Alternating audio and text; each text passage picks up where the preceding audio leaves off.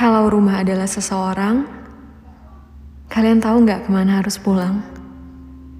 Rumah yang punya detak jantung, dua mata yang selalu bawa tenang.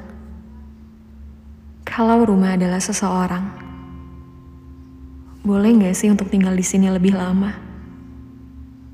Dunia ini waktunya nggak berlangsung lama. Tapi seenggaknya kamu ada di sini lebih lama. Kalau rumah adalah seseorang, apa ada yang mau diganti? Pindah lokasi ke yang lebih strategis?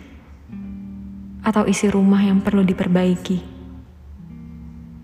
Kalau rumah adalah seseorang, untuk bagian yang rusak, bagian yang kurang, mau nggak untuk saling belajar membenahi? Dan kalau rumah adalah kamu, rasanya ini tempat yang paling nyaman. Mungkin bukan yang idaman, tapi di sini rasanya aman. Dan itu mahal harganya. Rasanya gak mau ditukar sama yang lain lagi kalau rumah itu bentuknya kamu.